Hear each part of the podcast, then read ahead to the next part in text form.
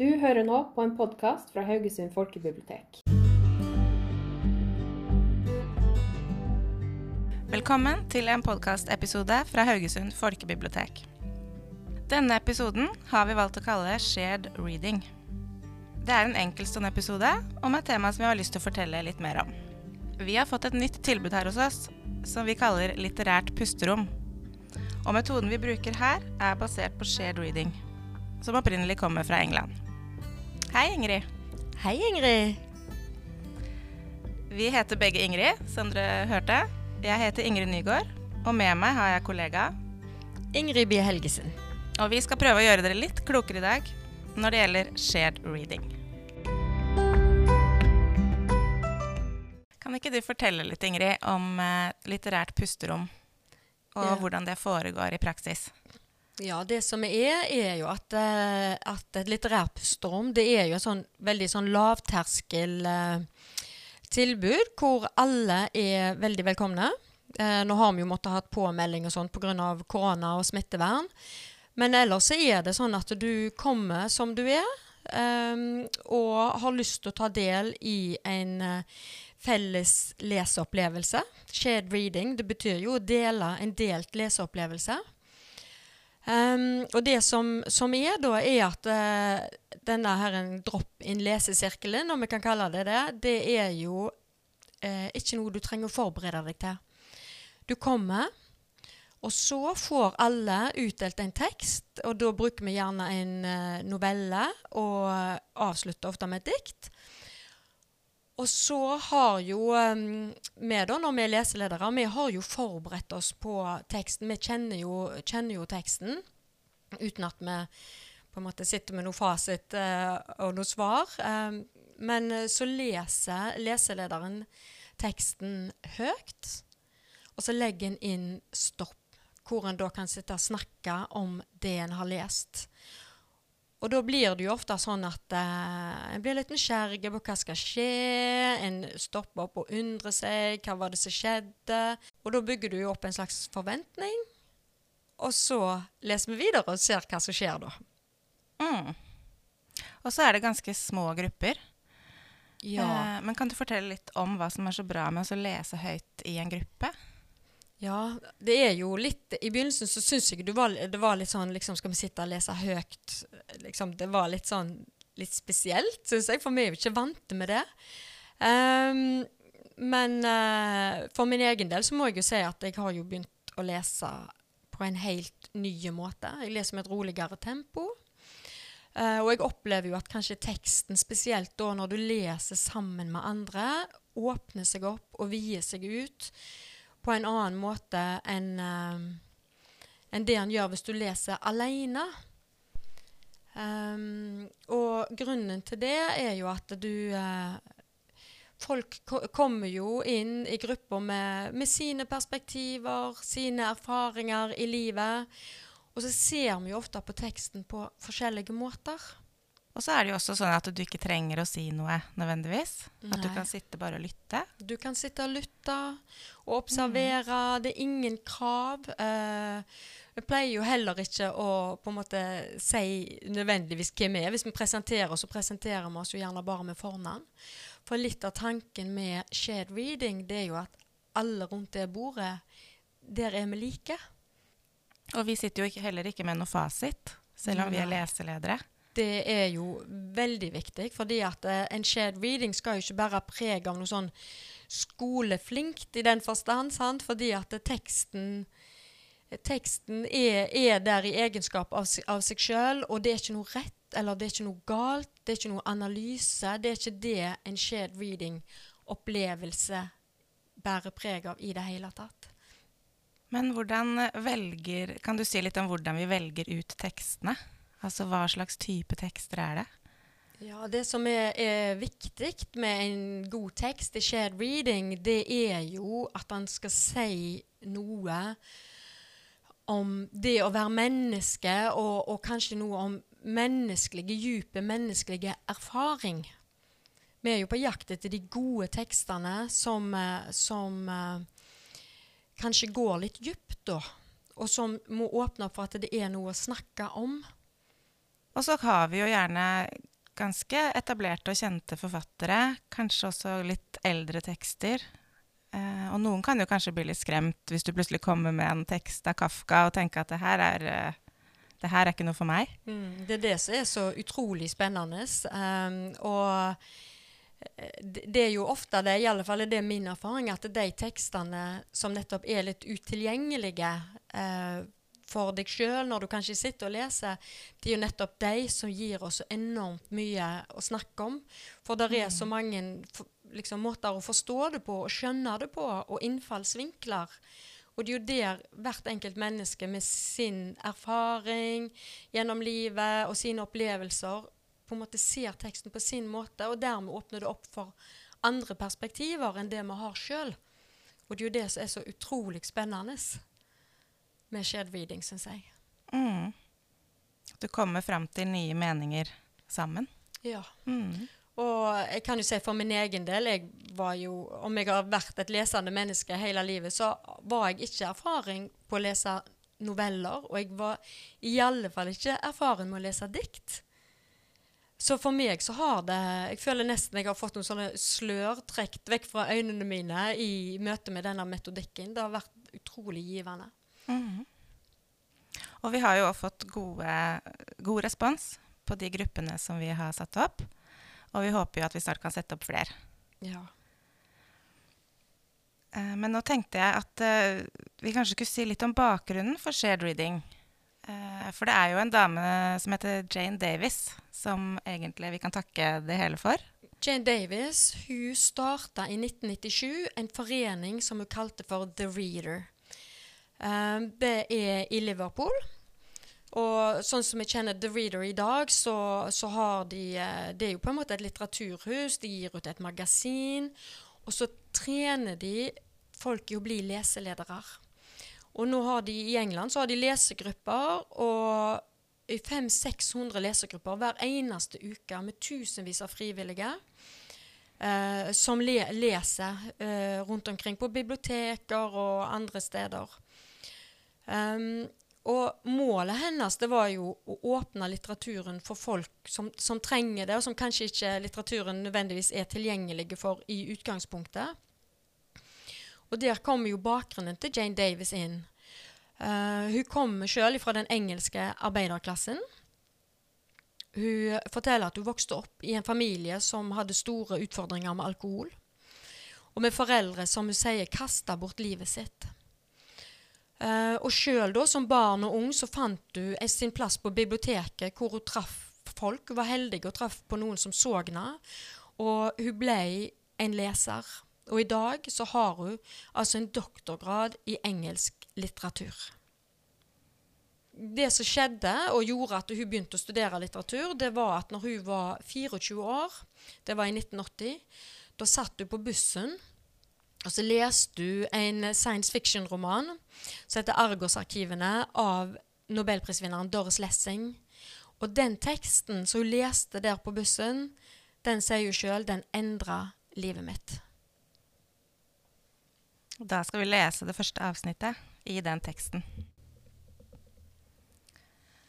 Jeg er blitt sendt på oppdrag til våre kolonier på mange planeter. Jeg er fortrolig med nødsituasjoner av alle slag. Jeg har vært med på kriser som truer hele arter, eller omhyggelig planlagte lokale programmer. Jeg har opplevd mer enn én gang hva det vil si å måtte godta at vi har mislykkes, endelig og ugjenkallelig, i et foretagende eller eksperiment, med skapninger som bærer i seg muligheten til en utvikling vi har drømt om lagt planer for. Og så finis. Slutt. Trommen dør hen, og det blir stille. Ja. Det var de strofene, altså at skapninger med utviklingspotensialet, da, men som var ødelagt og helt ugjenkallelig mulighet til å gjøre noe med det. Og var der hun så foreldrene sine i det lyset. Hun fikk en sånn vekker om at det, det kan ikke skje med meg. Jeg må gjøre noe mer med livet mitt. Og så tenkte hun hva er det jeg egentlig kan? Jo, jeg kan jo lese. Og så ble det altså engelsk litteratur for henne. Og så skjedde det en opplevelse til som gjorde voldsomt inntrykk for henne. Det var ca. ti år eh, seinere. Og da underviste hun i engelsk litteratur på en kveldsskole. Og så var det den siste timen før jul, og litteraturstudentene hennes de hadde bestemt seg at den siste timen så ville de gjøre det litt hyggelig. De skulle lese dikt for hverandre, og de hadde med seg god mat. Så var det ei, eh, ei dame, voksen, middelaldrende dame, helt vanlige, som reiste seg opp. Og så fortalte hun historien sin om at hun kom fra Australia, og at hun pga. alkoholmisbruket sitt hadde mista alt som var viktig for henne i livet. Hun mista gården sin hvor hun bodde, ekteskapet sitt, mista barna sine, absolutt alt hun hadde. Og at over en lengre og veldig dårlig periode i livet hennes da, da gikk hun gatelangs og holdt på å gå under. Men i lomma av boka si da hadde hun et dikt. Og det diktet det tok hun opp innimellom og leste det for å minne seg sjøl på at hun fremdeles var et menneske. Og Det diktet det heter I Am, og det ble skrevet av en engelsk poet som heter John Clare i 1845.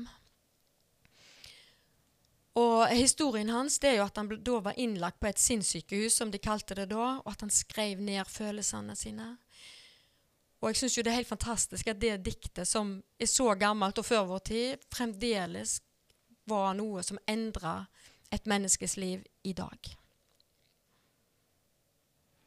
Og det diktet skal dere få høre litt senere ja. i denne episoden. Uh, og disse to historiene, da, altså denne dama sin fortelling med dette diktet, og hennes egen uh, erfaring fra oppveksten sin, det gjorde at hun fikk et sånn helt sånn avgjørende øyeblikk i livet. For i det øyeblikk så skjønte hun hvor viktig litteraturen kan være i et menneskes liv, som et verktøy og et hjelpemiddel eh, til å takle og klare å fikse livet vårt. Og det viser seg jo òg da at, eh, at uh, litteraturen kan hjelpe oss å komme i kontakt med følelser og tanker som jo ofte er ganske allmenne. Selv om du da kanskje som menneske tror du er alene og føler det akkurat sånn som det. Um, og da har jeg et sitat av den amerikanske poeten James Baldwin som jeg tenkte jeg ville lese. Han sier det. Du tror at din smerte og hjertesorg er uovertruffen i verdens historie. Men så leser du. Det var bøker som lærte meg at de tingene som plaget meg mest, var de ting som forbandt meg med alle menneskene som levde, som noen ganger hadde levd. Og det syns jeg er en veldig fin måte å si det på. Og så oppdaga Jane Davis da det at det å lese og forstå sammen med andre, det gjør noe med oss. At de menneskelige møtene rundt litteraturen faktisk er veldig gode for helsa vår.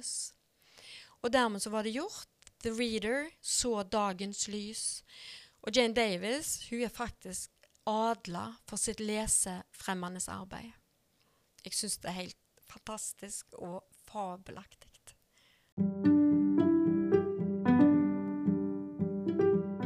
Har du hørt om Kulturpunkt? Kulturpunkt lar deg oppdage byen din på en helt ny måte. Med telefonen på lomma har du Haugesunds historie med på tur. Ingen planer i helga, Ta med den neste generasjonen på tur og oppdag byen gjennom Kulturpunkt. Gratis app tilgjengelig både for IOS og Android.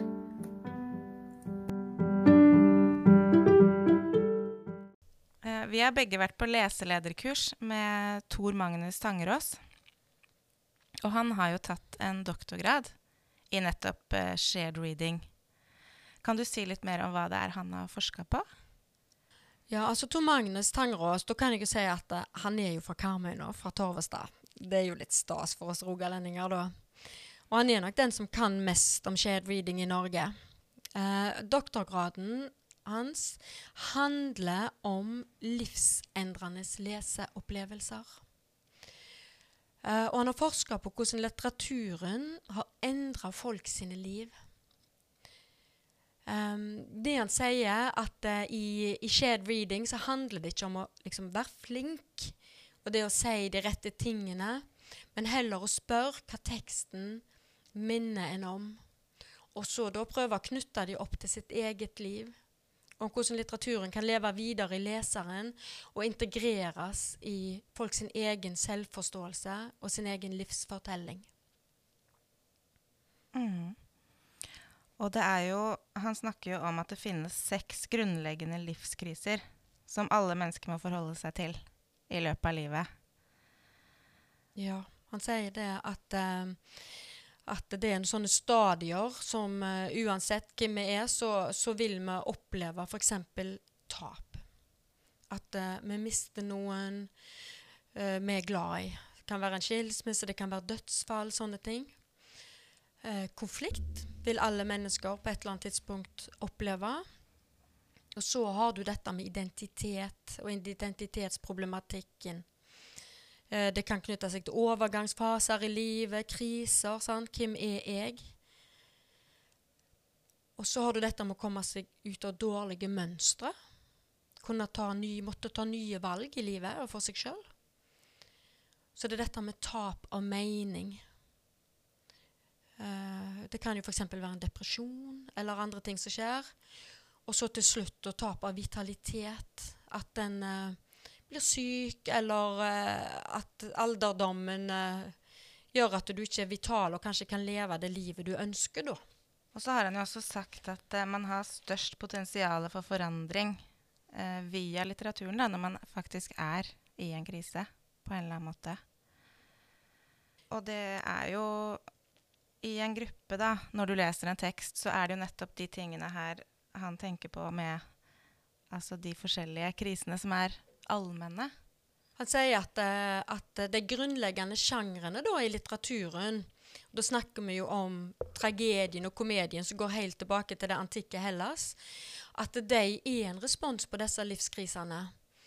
Og at uh, de inneholder mønstre som vi da kjenner igjen fra flere tusen år tilbake. Og at eh, disse narrative mønstrene har eh, gitt oss erfaringer og gitt, oss et språk da, for å forstå oss sjøl i krise. At det, tragedien den har hjulpet oss til å takle tap. Mens komedien hjelper oss f.eks. til å handle, takle konflikter. Fordi dette handler jo da til slutt om forsoning. Og så kan vi si at litteraturen det kan være en måte å finne svar og mening på og at han hjelper oss til å gi oss et språk for følelsene våre, og kanskje kan skape mening i det som oppleves som meningsløst. Når vi leser tekstene høyt i en gruppe, så blir man jo veldig til stede. Eh, kan det være en form for mindfulness? At det er litt av det samme, vil du si? Ja, det tror jeg eh, så absolutt. Um, eh, lyrikken spesielt, vil jeg si, den handler jo ofte om å på en måte fange et øyeblikk. Om uh, å være til stede her og nå, og kanskje se kvaliteten i, i øyeblikkene, da. Um, så det, det, tror jeg er, helt rett. Og det er jo ofte sånn som med dikt. Det er jo ikke alltid vi på en måte skjønner og forstår hva er det det handler om. om det, og det er jo det som er så spennende i shared reading-gruppe, da, syns jeg. At, uh, at vi Ofte tar vi jo tak i det konkrete helt først, men så graver en litt og spør hva er det egentlig det handler om. Um, og Jeg har lyst til å, å, fortelle hva Jon Fosse sier om akkurat det. For han har jo skrevet disse septologien 'Jeg er en annen'. Og der er der, eh, på side 271, så skriver han om, om dette med en som lek, les, lek, leser mye, da. Så står det 'til og med dikt leser han'. Og det er kanskje det han liker best å lese. Moderne, såkalla uskjønne dikt får han nesten alltid noe ut av. Ikke at han skjønner det på den vanlige måten, men han skjønner det likevel, på en annen måte. Ja, det er som, at, som en må skjøne det med noe annet enn vite og forstanden, sier Sigve. Og det syns jeg jo er litt, uh, litt fint for det, det er jo ikke alltid vi forstår det. Men det, kanskje vi forstår det på en måte slags mer intuitivt, og at det taler til oss allikevel. Jeg vet ikke om det gir mening, eller om det høres helt tullete ut. Nei, det er jo litt det vi har erfaring med òg, nå Ja. når vi har hatt noen grupper, da. At uh, det er jo Folk uh, assosierer jo uh, og kommer frem til ting. De tar jo utgangspunkt i, i sitt eget. Ja, Mhm. en gjør det. Og så kobler en det på. Eh, følelser og, og Ja. eh, ting en har opplevd. Mm. Og, og jeg har jo sjøl opplevd eh, eh, dikt, Jeg har lest dikt sammen med andre, så plutselig jeg, jeg bærer med meg f.eks. Tårnstrømmer, det der en hvelv etter hvelv. Når du føler du lærer nye ting, og, og ting åpner seg for deg. sant? At vi aldri blir eh, ferdig utlært. Det er jo kanskje noen som spør uh, om det er terapi. uh, om det er en form for terapi, det her. Um, og det er jo noe som heter biblioterapi, men det er vel noe litt annet. Ja, jeg eh, Biblioterapi bruker de jo mye f.eks. på sykehus, i pasientgrupper, pårørende, fengsler, rusomsorg, psykiatri, sånne ting som det. Men mm. jeg tenker at eh, vi som er bibliotekarer eh, Eller jeg ser meg i alle fall ikke sjøl som en terapeut, og i den grad der er terapi å finne her, så må det jo være teksten sjøl som er terapeuten. Ehm, men uh, jeg ser jo ikke bort ifra at det å ta del i et sånn type fellesskap som vi opplever på en shared reading-gruppe, kanskje kan være godt og, og en fin og god opplevelse som kanskje kan være terapeutisk i seg sjøl. At en føler, føler seg som en del av, av, eh, av noe da, i dette lesende fellesskapet. Eh, og I tillegg så blir det jo ofte også en, det er en estetisk opplevelse. Og så er det jo òg dette at disse lesegruppene det gir oss jo en anledning til å på en måte snakke om ting som stikker litt djupt. For det er jo ikke alltid du får anledning til å snakke om sånne ting i sammen med andre. Og vi har jo opplevd at folk eh, ofte åpner opp. Eh, blir veldig personlige. Jeg har vært med på grupper hvor folk har måttet tørke noen tårer. Det er, jo, det, er jo, det er jo veldig fint, men det er òg spesielt. Eh, men det er jo òg at eh, innforstått i sånne lesegrupper, så si, Det som blir, blir, skjer i det rommet, det blir i det rommet òg. Eh, en, en lesegruppe må oppleves som en veldig sånn trygg og god plass. Um, for som jeg sa, så er det jo ofte at folk deler veldig dypt personlige erfaringer, fordi at teksten treffer noe i de som gjør at de har lyst til å, å dele. Da. Og det er jo utrolig fint, syns jeg, å få lov til å være med på. Og det er jo også derfor gruppene er såpass små. At vi har kanskje åtte-ti stykker bare i en gruppe. Ja. Um, blir gruppene for store, så, så opplever jeg kanskje at gruppa lukker seg mer. At, uh, at, folk kanskje ikke blir så aktive deltakere i gruppa. Men uh, når det er sagt, så er det jo helt OK òg å ikke delta aktivt. Det er helt fint å bare sitte og lytte og, og observere. Og kanskje du da på et senere tidspunkt har lyst til å, å, å åpne litt opp sjøl. Uh, men du nevnte terapi.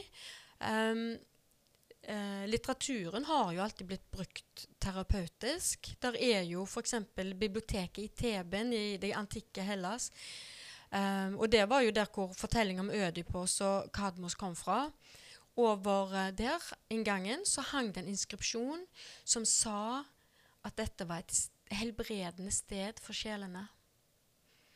Uh, vi vet òg at Freud brukte litteraturen som en del av sin psykoanalyse. Og etter første verdenskrig så oppdaga en at lesing hadde en veldig positiv effekt for soldater som var blitt traumatisert ute på slagmarkene. Um, og så er det jo dette med vi nevnte med f.eks. institusjoner hvor en, en bruker det som metode. Og da, har en jo erfaring med at en kan på en måte se at eh, det hjelper sårbare mennesker å heles.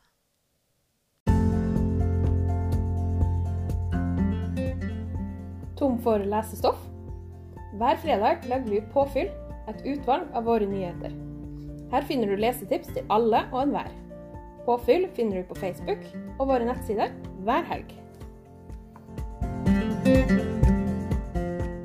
Da håper vi at dere har fått en liten smakebit på hva shared reading dreier seg om. Eh, og kan ikke du til slutt, Ingrid, lese det diktet du nevnte? I am. Jo. Det er oversatt eh, til norsk, til nynorsk. Så da tar jeg det på det. Jeg er. Jeg er, men ingen bryr seg hva jeg er. Venene flyr meg lik en brosten draum. Jeg terrer sjøl det mine sorger ber.